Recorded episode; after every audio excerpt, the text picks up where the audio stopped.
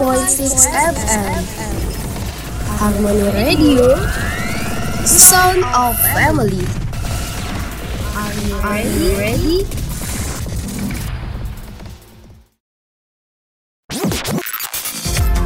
Bincang-bincang keluarga hanya program Orang Satu Atap Harmony FM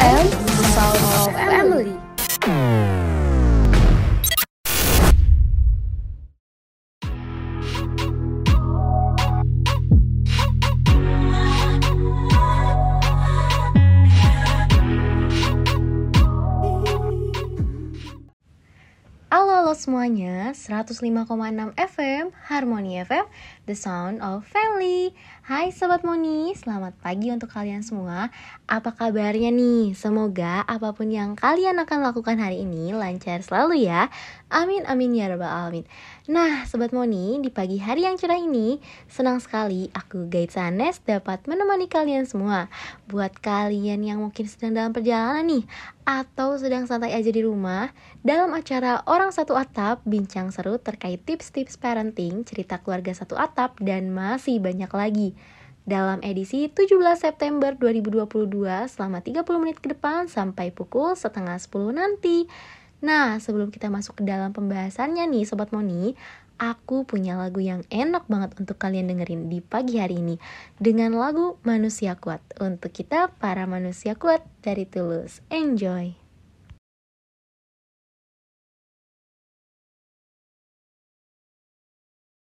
Kau bisa patahkan kakiku Tapi tidak mimpi-mimpiku.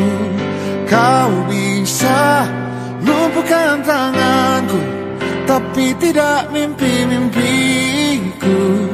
Kau bisa merebut senyumku Tapi sungguh tak akan lama. Kau bisa merobek hatiku Tapi aku tahu obatnya. Manusia-manusia kuat. Itu kita. Jiwa-jiwa yang kuat. Itu kita. Manusia-manusia kuat. Itu kita. Jiwa-jiwa yang kuat. Itu kita. Kau bisa hitamkan putihku Kau takkan gelapkan apa pun. Kau bisa runtuhkan jalanku. Kan ku temukan jalan yang lain. Manusia-manusia kuat. Itu kita Jiwa-jiwa yang kuat. Itu kita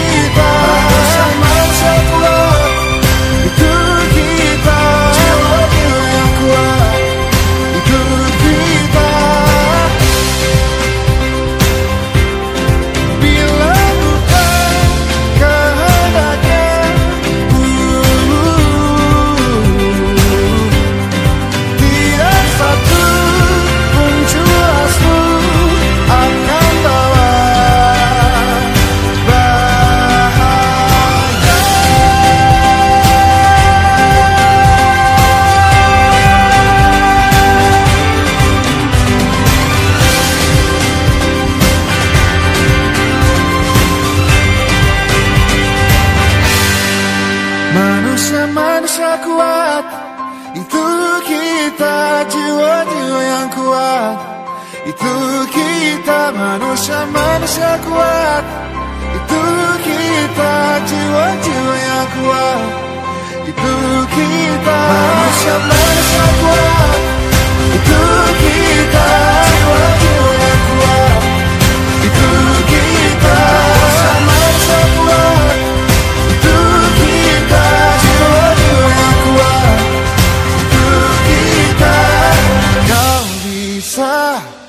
patahkan kakiku Patah tanganku rebut senyumku. Hitamkan putihnya hatiku Tapi tidak mimpi-mimpiku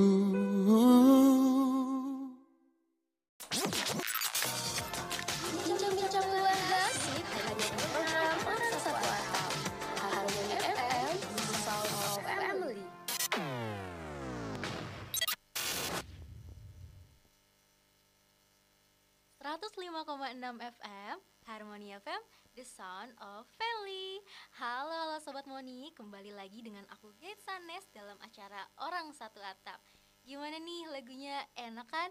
Aku yakin banget sobat Monis kalian yang lagi mendengarkan Harmoni FM saat ini adalah manusia-manusia kuat pastinya. Oke sobat Monis kalian, pasti kalian penasaran kan sama apa yang akan aku bahas hari ini. Tentu saja nih, apa yang akan aku bahas hari ini tidak kalah seru loh dan mengedukatif untuk kalian semua pastinya. Hari ini aku akan membahas terkait tips parenting mendidik anak di rumah dan juga kisah inspiratif dari salah satu keluarga youtuber yang mungkin beberapa dari Sobat Moni kenal. Hayo, ada yang bisa tebak gak nih? Nah, untuk Sobat Moni sekalian, boleh nih untuk menyiapkan notes untuk mencatat poin-poin penting dari tips parenting hari ini. Dan juga cemilan untuk menemani kalian semua selama 30 menit ke depan. Penasaran kan dengan pembahasan kita hari ini?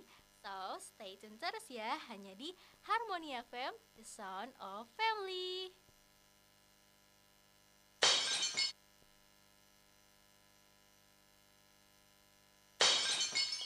Aduh, kamu ini.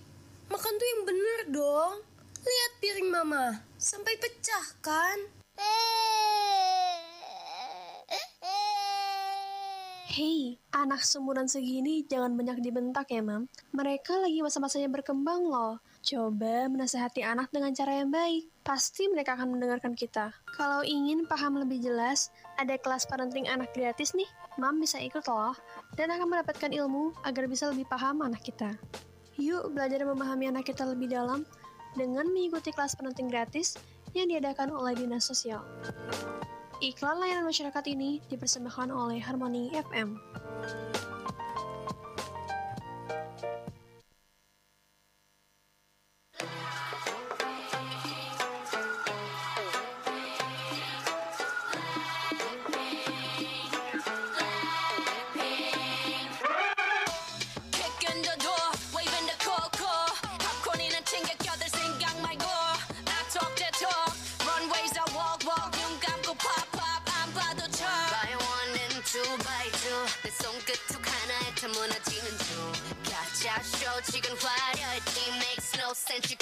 A dollar out of me.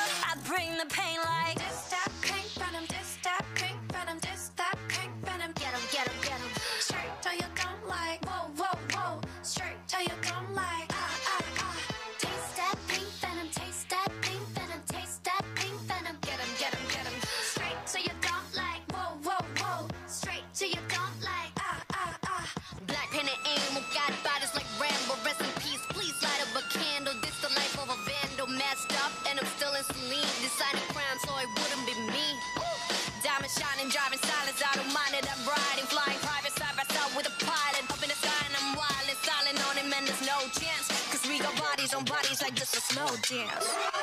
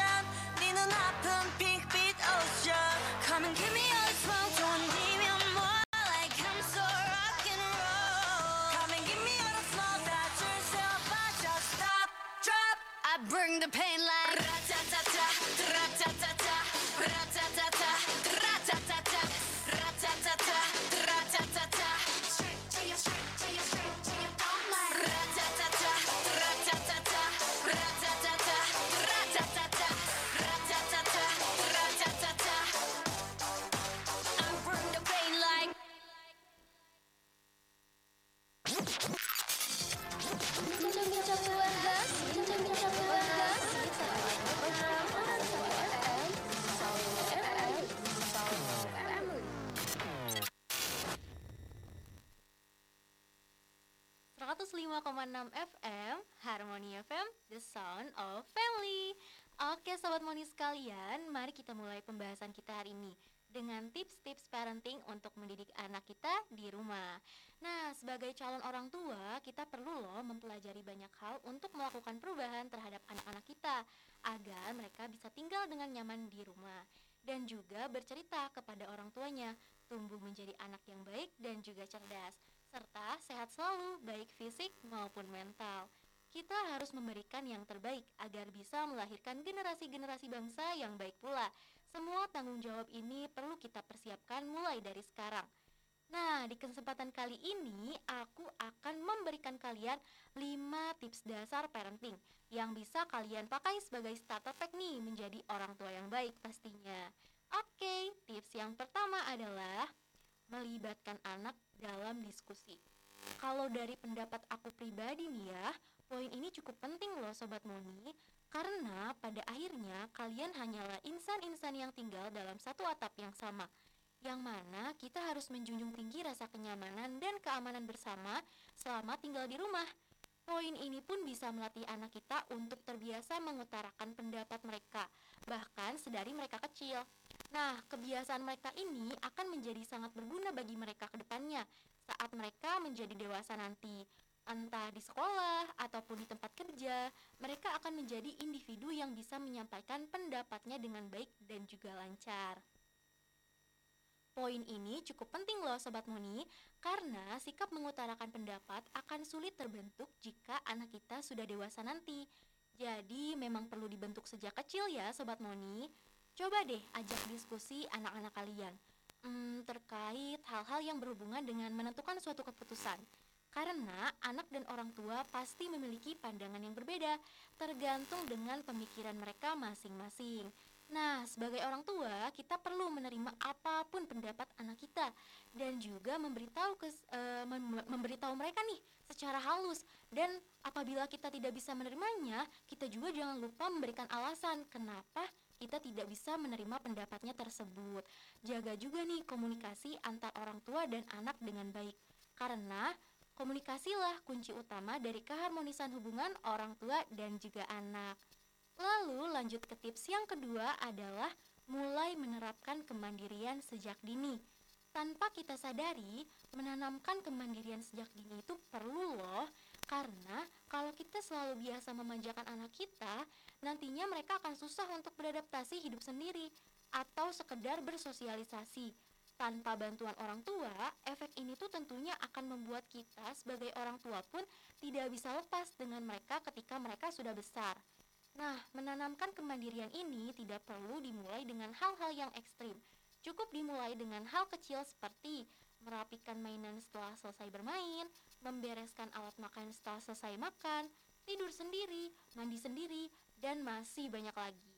Nah, tentu saja Sobat Moni, dalam proses pembelajaran ini diperlukan adanya pantauan dari kedua orang tua, hingga akhirnya anak sudah bisa mandiri dengan sendirinya.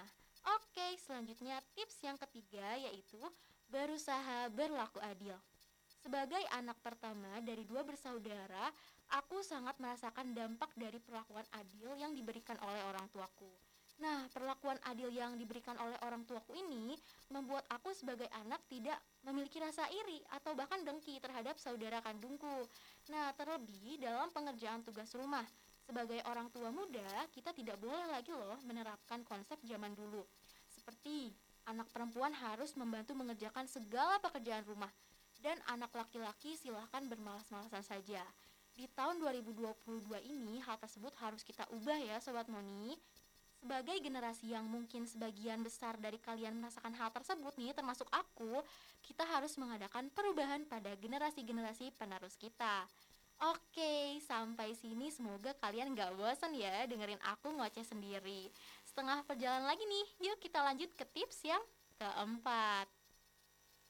Tips keempat adalah membiarkan anak merenungi kesalahannya di dalam kamar. So instead of memerahi mereka, kita harus bisa menahan amarah kita sendiri dan membiarkan anak kita untuk merenungi kesalahannya. Hal ini dapat membantu anak untuk belajar memahami kesalahan yang telah mereka perbuat dan juga mengenal dan mengetahui bahwa apa yang mereka lakukan itu salah. Tips ini juga bagus banget loh untuk diterapkan nih Sobat Moni Karena anak pada akhirnya akan terbiasa untuk selalu mengintrospeksi dirinya Agar bisa menjadi manusia yang lebih baik lagi. Nah, sikap mengintrospeksi diri ini juga akan berguna banget loh bagi mereka dalam kehidupan bersosialnya nanti. Contohnya nih, jika suatu hari nanti anak kita berselisih dengan teman atau sahabatnya di sekolah, ia akan terbiasa untuk merenungi kesalahannya dan mengintrospeksi dirinya agar bisa menjadi pribadi yang lebih baik lagi dan juga memperbaiki hubungannya dengan teman atau sahabatnya tersebut. Oke, tips yang kelima nih, tips yang terakhir. Wah, gak kerasa ya udah tips yang terakhir aja. Tips yang kelima ini adalah membiasakan anak untuk mengucapkan kata maaf. Nah, setelah membiarkan anak merenungi kesalahannya, tidak lupa juga kita perlu membiasakan mereka untuk mengucapkan kata maaf atas kesalahan yang mereka perbuat. Terlebih nih, jika kesalahan itu terjadi ketika sedang bermain dengan adik atau kakaknya. Dengan mengucapkan kata maaf, hubungan kakak adik yang mungkin cukup panas nih sebelumnya bisa menjadi erat kembali setelah keduanya sudah meminta maaf dan biasanya juga berpelukan.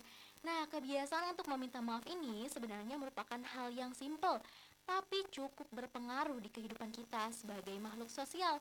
Selain kata maaf, kata lain seperti tolong dan juga terima kasih sangat akan berguna bagi anak kita maupun kita sendiri selaku orang tua dalam menjalani kehidupan bersosial hal kecil yang akan membawa positive vibes bagi kita maupun orang di sekitar kita pastinya. Jadi, bagi sobat monis kalian nih yang mungkin belum terbiasa mengucapkan tiga magic word, yaitu maaf, tolong, dan terima kasih, coba deh mulai diterapkan juga ya dari sekarang agar ketika kita sudah memiliki anak nanti, anak kita bisa dengan mudah mencontoh dari apa yang kita biasa lakukan sehari-hari. Wah, bener-bener padat banget ya pembahasan kita hari ini. Baru sesi pertama aja rasanya udah padat dan berbobot banget. Kalian jadi gak sabar ya sih sama apa yang akan aku bahas di sesi selanjutnya. Sesi selanjutnya, aku akan membahas suatu kisah dari keluarga youtuber yang terkenal dengan keharmonisannya. Ada yang bisa tebak gak nih? Nah, tentunya sebagai individu, kita pasti ingin dong memiliki keluarga yang harmonis dan akur pastinya satu sama lain. Kisah yang akan aku ceritakan di sesi selanjutnya ini mungkin akan menginspirasi kalian semua, sekaligus dijadikan acuan atau contoh dari bagaimana keluarga harmonis itu sendiri. Penasaran kan? Stay tune terus ya, hanya di Harmony FM, The Sound of Family. 105,6 FM, Harmony FM, The Sound of Family.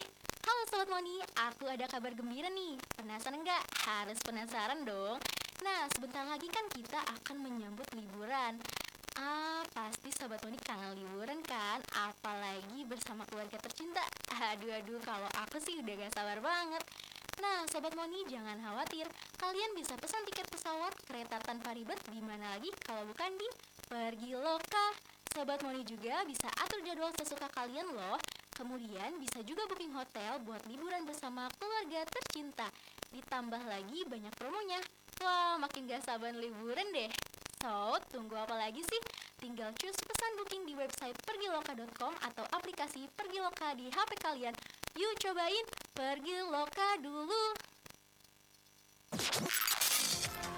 Bincang-bincang keluarga sih hanya di program Orang Satu Atap. Harmony FM, Sound of Family.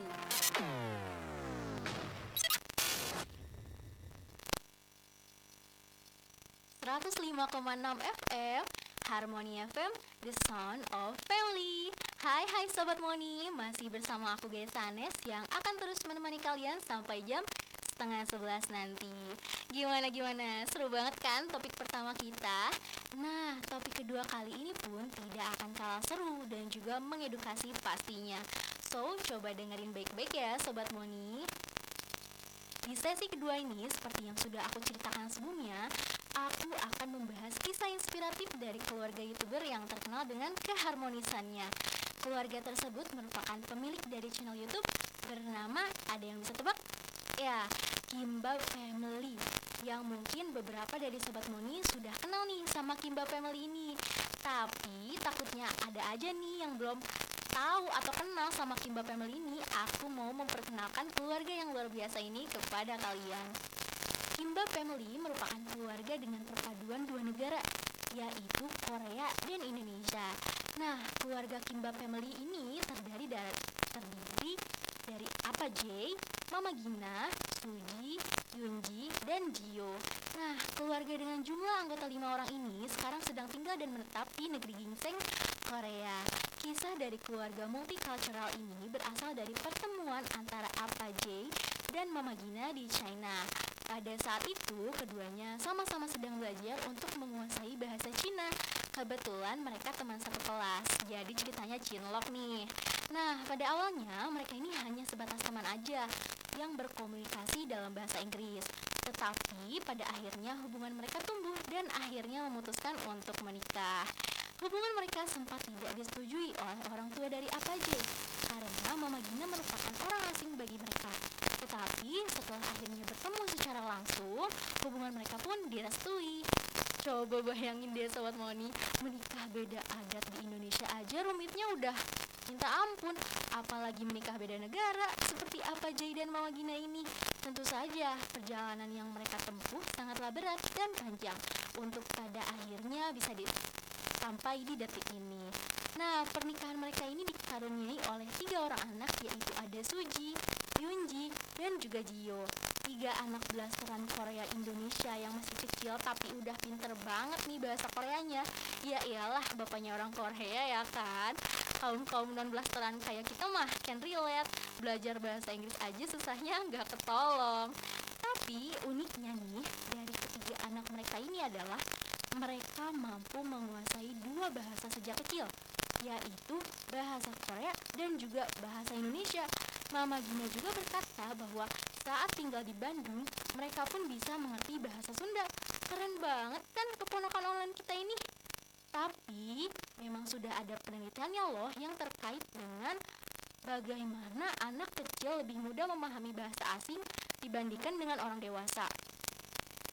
Babak Gashemi dan Masud Hashemi dalam penelitiannya mengenai pembelajaran bahasa asing di masa kanak-kanak menyebutkan bahwa semakin dini seorang anak diperkenalkan dengan bahasa baru, maka akan semakin baik juga hasilnya. Nah, para peneliti asal Iran ini menyebutkan bahwa anak-anak yang belajar bahasa Inggris sejak dini dapat menangkap dengan lebih cepat dan menyimpan dengan lebih baik apa yang mereka pelajari. Dan tidak hanya itu loh, mereka juga berbicara dengan lebih fluent atau fasih dengan pelafalan layaknya seorang native. Nah, penelitian tersebut berkaitan juga dengan critical period hypothesis, yaitu sebuah teori yang dipopulerkan oleh Eric Lindbergh, seorang neurolog dan ahli bahasa dari Jerman pada tahun 1967 yang menyatakan bahwa tahun-tahun pertama kehidupan seseorang adalah masa kritis dalam penguasaan bahasa. Nah, ilmu baru nih bisa dicatat ya Sobat Moni. Siapa tahu saat kalian berkeluarga nanti kalian ingin punya anak yang pintar bahasa Inggrisnya. Kalau aku sih pengen banget ya Sobat Moni. Oke, kembali kepada Kimba Family. Kelima keluarga ini menjalankan sebuah akun channel YouTube yang bernama Kimba Family. Pada awalnya, tujuan dari channel YouTube tersebut hanya ditujukan untuk keluarga di Korea saja. Karena mereka sempat tinggal lama nih di Indonesia. Fungsinya itu untuk mengabari kondisi dan situasi yang mereka jalani sehari-harinya di Indonesia. Namun, ketika vlog perjalanan pindahan mereka dari Indonesia ke Korea ditayangkan, entah kenapa video tersebut blow up nih Sobat Moni.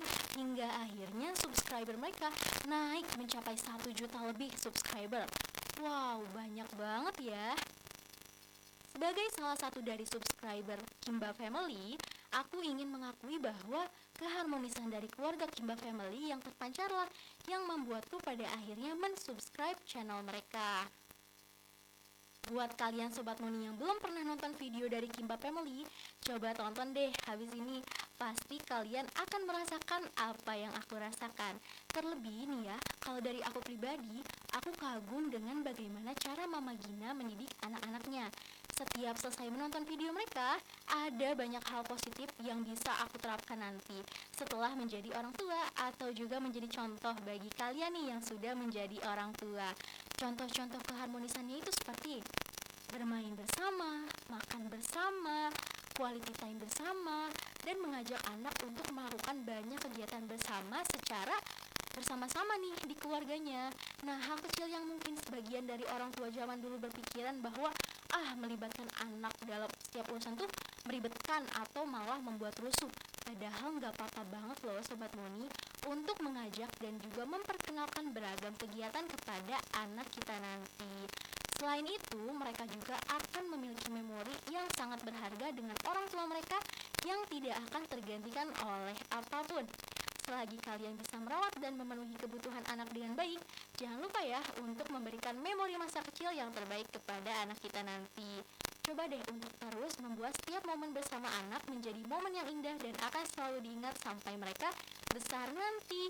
Karena memberikan me- banyak memori indah kepada anaknya untuk kita nanti itu bisa menjadi memori yang tidak pernah terlupakan saat mereka besar dan akan mengenang kita terus loh Sobat Moni. Nah, setelah ini aku mau mempersembahkan lagu Every Summertime dari Niki yang akan membuat kalian rileks kembali setelah mendengarkan pembahasan kita yang cukup padat. Let's go!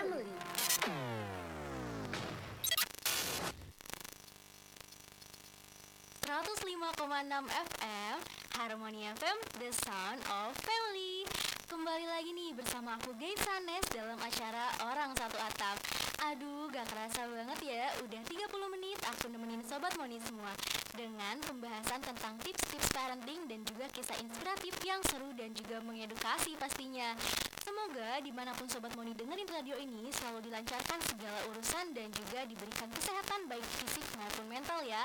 Amin. Aku pun gak akan lelah nih untuk ngingetin Sobat Moni semua Untuk menjaga kesehatan dan mematuhi protokol kesehatan Yaitu dengan memakai masker, mencuci tangan, dan menjaga jarak. Aku harap semoga pembahasan tadi membawa manfaat untuk Sobat Moni semua ya.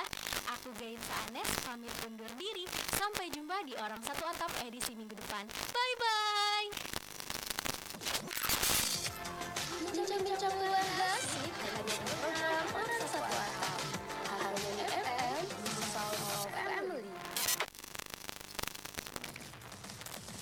105.6 FM.